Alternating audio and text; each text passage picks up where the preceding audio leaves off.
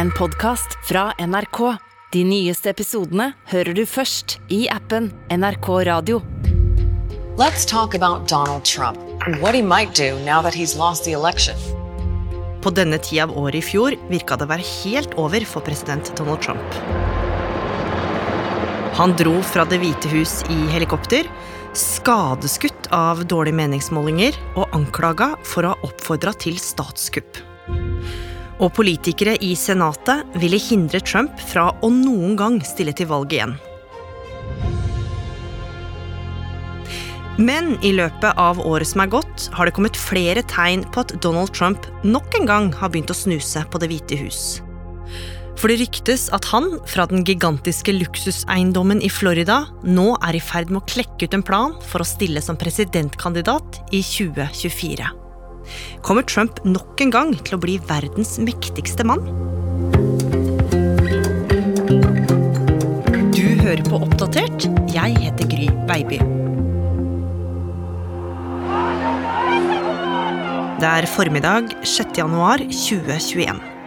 Donald Trump har tapt presidentvalget, og nå taler han til tilhengerne foran vaiende amerikanske flagg. I've been in two elections. I won them both, and the second one I won much bigger than the first, okay? And after this, we're going walk down, and I'll be there with you. We're going walk down to the Capitol.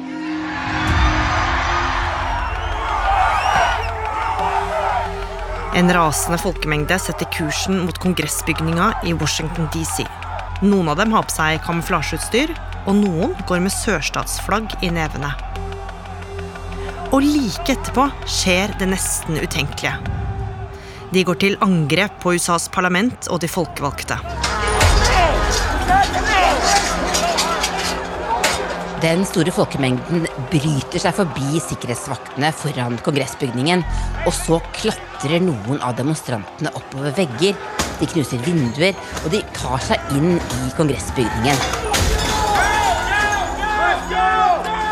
Rasende og jublende så løper de gjennom marmorkorridorene der inne. De vifter med Trump-flagg. De tar seg inn på kontorene til politikere, og politikerne de må løpe og gjemme seg. Tove Bjørgaas er USA-korrespondent for NRK og bor i Washington. Det disse demonstrantene vil, det er å stanse den formelle godkjenningen av Joe Biden som USAs nye president. For det er det politikerne holder på med inne i kongressalen. Og demonstrantene de mener jo at det var Trump som hadde sendt dem dit for å redde valgseieren fra ham.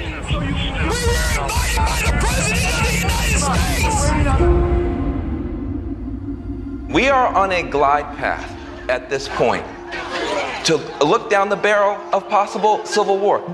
Selv følger Trump med på drama fra Det hvite hus. Og flere tar nå kontakt med presidenten for å få han til å stagge folkemengden. I call on President Trump to go on national television now and demand an end to this siege. Og etter halvannen time går Trump ut med en videobeskjed til tilhengerne sine. We had an election that was stolen from us, and everyone knows it, but we can't play into the hands of these people. We have to have peace. So go home. We love you, and go home in peace. Og selv om han ba mobben dra hjem, så tolka mange det han sa som en slags støtteerklæring til demonstrantene. Flere kritiserte nå Trump for at han ikke hadde gjort mer for å hindre kongressstorminga. De ville at han skulle stilles til ansvar for det som hadde skjedd. Ja, faktisk under selve stormingen av Kongressen så begynte noen politikere som ble angrepet å tenke på hvor uansvarlig Trump som president var. Noen av dem satt nærmest under pultene inne på kontorene sine i dekning og begynte å skrive på en ny riksrettsanklage mot presidenten. De ville sikre seg at en mann som han aldri skulle få lov til å stille som presidentkandidat igjen. For Trump han hadde jo bare sittet én periode som president, og derfor så har han jo muligheten til å stille på nytt. Men en riksrettssak ville blokkere mulighetene for et sånt gjenvalg. Også mange av hans egne var sjokkerte. Natta etter at demonstrantene var rydda ut av Kongressen, gikk flere republikanere hardt ut på talerstolen. De frykta for demokratiet. This election were overturned by mere allegations from the losing side, our democracy would enter a death spiral. Ikke bare det, også i sosiale medier hagla kritikken. Ja, bare noen dager etterpå så skjedde det noe veldig ødeleggende for Trump. Han ble rett og slett utestengt fra både Twitter, Facebook, Snapchat og Instagram, og vi vet jo alle hvor glad han har vært i sosiale medier, spesielt i Twitter-kontoen sin. Trump mistet alle sine viktige kanaler for å kommunisere med tilhengerne sine, og på meningsmålingene så stupte han. I tillegg til dette så sto han i dyp gjeld.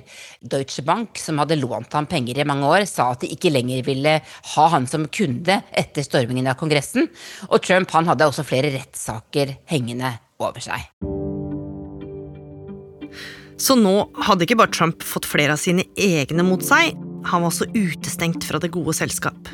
Så han dro fra Det hvite hus til herskapshuset sitt Mar-a-Lago i Florida. Og mange tenkte jo nå at dette var spikeren i kista for Trumps politiske liv, og lurte på hva han skulle finne på nå. Ja, mange trodde at han ikke ville orke å drive med politikk etter alt det som hadde skjedd. Han kunne trekke seg tilbake, spille golf, som han er så glad i. Det er jo en golfklubb han eier i, Florida. Eh, og så kanskje starte et eget eh, talkshow på TV, eller, eller, kanskje til og med få sin egen eh, TV-kanal. Men Trump, han trengte penger. Riktignok så hadde merkevarenavnet hans økt i verdi de årene han var president, men han har masse gjeld. Han er helt nødt til å tjene penger. Ja, men han hadde et problem han måtte få ut av verden først, nemlig riksrettssaken. For hvis han ble dømt i den, så ville det vært et historisk nederlag, og han kunne heller aldri ha stilt til valg igjen. Og i februar skulle Senatet stemme, og avstemninga kunne han følge på direkten. The yeas are 57. The nays are 43. Uh, Two thirds of the senators present not having voted guilty. The Senate judges that the respondent, Donald John Trump, former President of the United States, is not guilty as charged in the article of impeachment. Han ble frikjent. Og det betydde at Trumps muligheter til å stille på nytt det lå helt åpent. Nå kunne egentlig alt skje. Så hva gjorde han da, Tove? Jo, fra Mar-a-Lago nede i Florida så hadde Trump jevn kontakt med ledende skikkelser i det republikanske partiet. Flere av dem reiste ned og hadde møter med han, eh, og Trump han skjønte at han hadde et godt kort på hånda fortsatt. For Make America Great-supporterne, altså støttespillerne hans, de mest ihuga tilhengerne hans, de hadde ikke mistet motet. De likte fortsatt Trump mye bedre enn andre republikanske politikere. Så det Trump gjorde, var at han startet eh, såkalte PACs, altså organisasjoner som gjør at folk kunne donere penger til ham. Og, og den viktigste av disse, den het rett og slett Redd Amerika. Han grunnla også sitt eget sosiale medieselskap, Trump Media and Technology Group, i februar. Han fikk jo ikke lov til å være på Twitter og andre sosiale medier, og, og mange trodde han ville starte en TV-konkurrent til Fox News, eller sin egen sosiale medier-plattform for høyresiden. Men han fikk egentlig nok eh, TV-tid på Fox uansett. Mm. Og alt dette jobba han jo med litt i det stille. Men så kom dagen hvor han trådte ut i offentligheten igjen. Hello, CPAC. Do you miss me yet? Do you miss me? Seint i februar 2021 dukka han opp som trekkplasteret på en stor grasrotkonferanse for høyresida. Og der, i sin første tale som ekspresident, skulle han si noe som fikk fansen til å juble.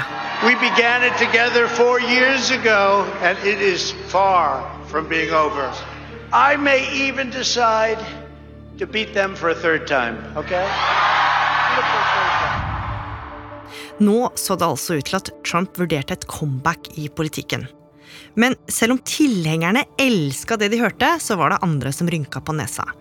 For i ledelsen i det republikanske partiet satt det folk som på ingen måte likte at Trump flørta med tanken om å stille på nytt.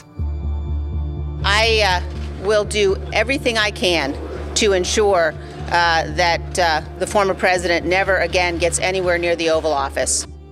Ja, og en av dem det var denne kvinnen, Liz Cheney.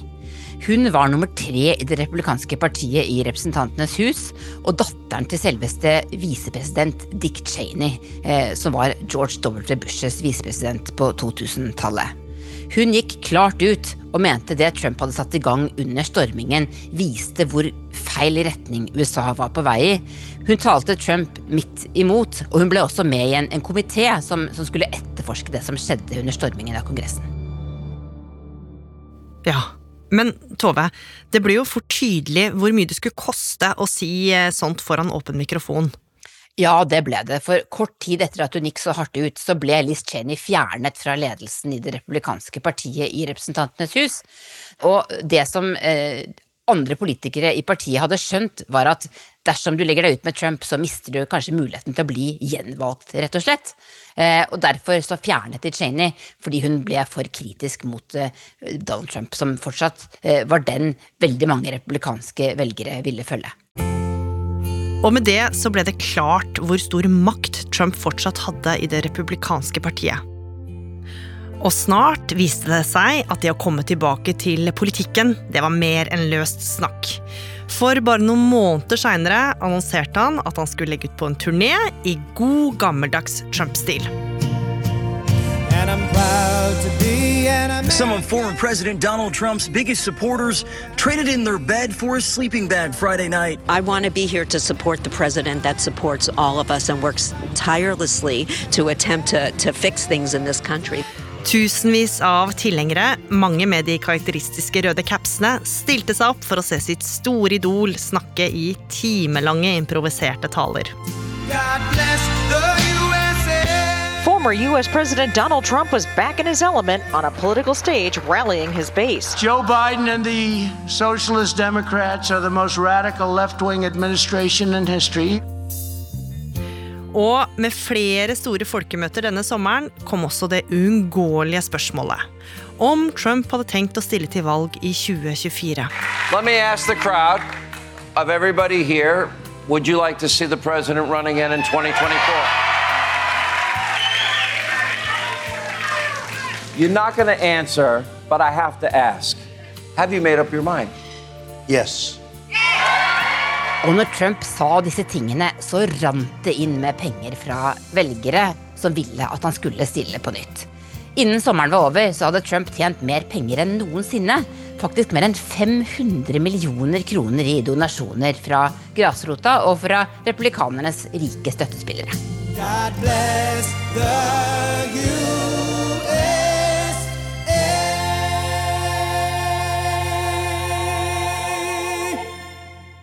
Ok, så nå hadde Trump sikra seg masse penger.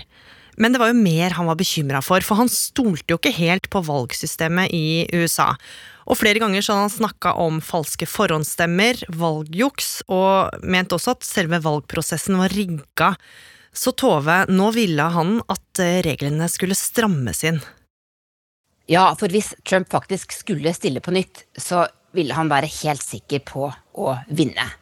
Og det Trump begynte å gjøre nå, det var å legge et enormt press på sine republikanske partifeller, ikke minst rundt omkring i delstatene her i USA, for at de skulle hjelpe ham til å eh, maksimere sjansene for at han ville vinne valget. Mm. Og dette presset svarte partifellene hans på. Hvordan da, Tove? Ja, for sakte, men sikkert i delstat etter delstat så ble det i fjor foreslått nye valglover.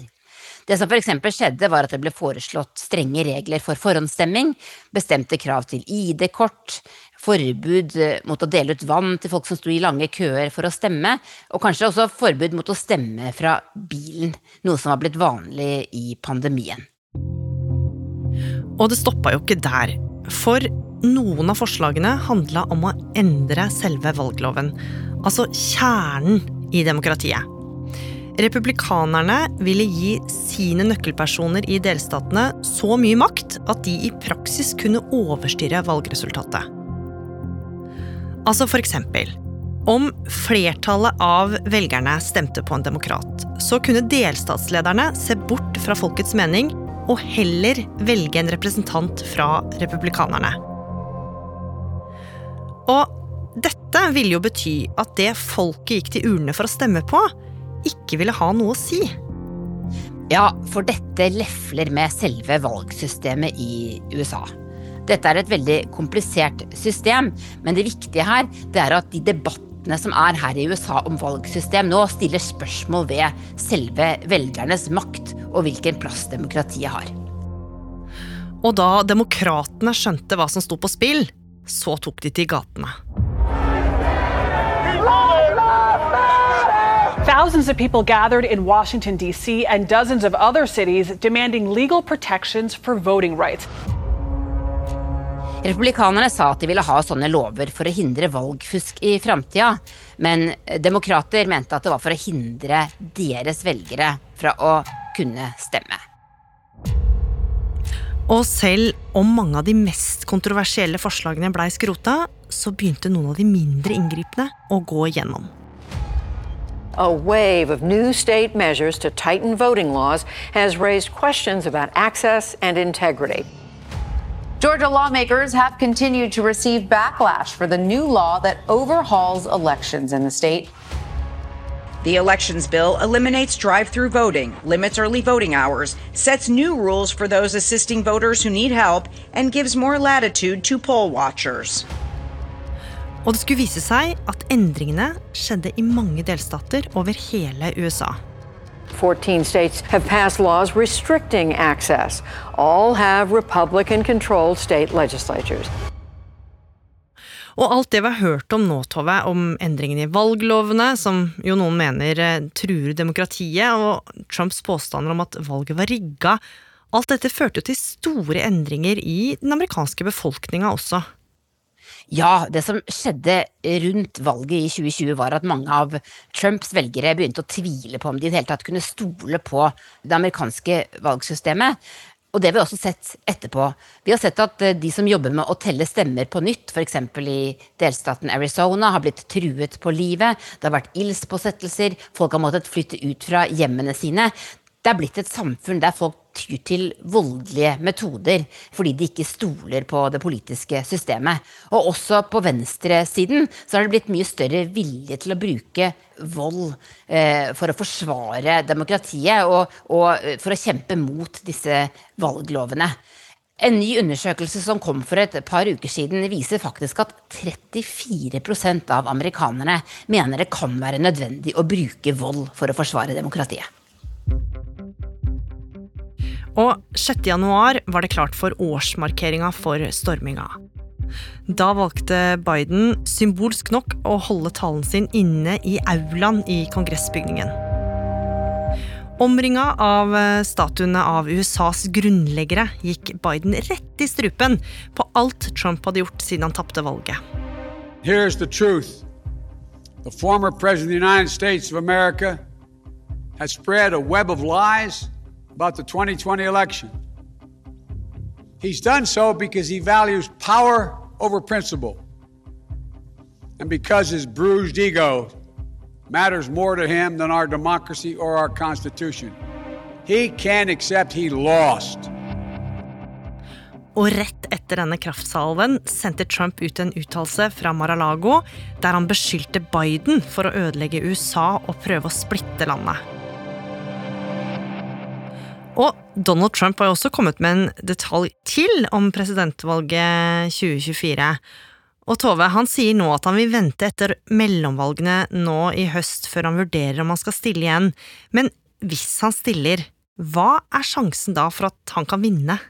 Det er litt vanskelig å si, men akkurat nå så innser nok det republikanske partiet at de ikke har noen annen kandidat som har like mange tilhengere.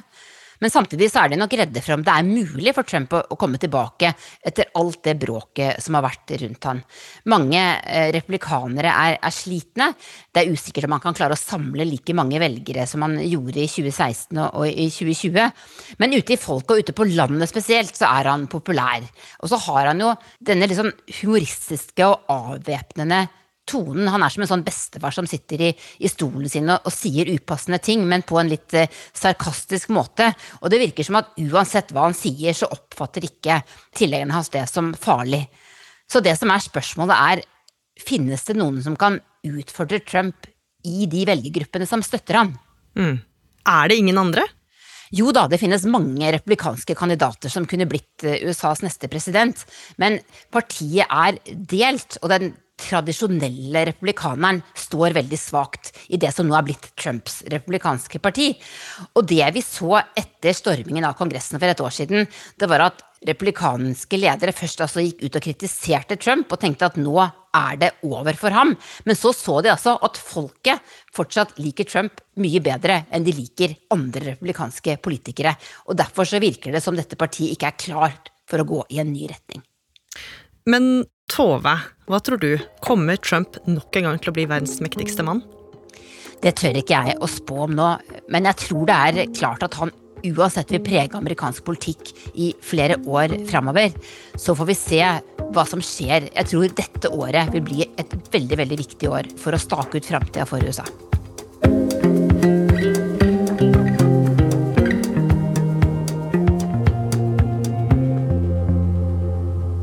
Oppdatert er en podkast fra NRK Nyheter. og Denne episoden er laga av Martin Holvik, Andreas Berge og meg, Gry Veiby.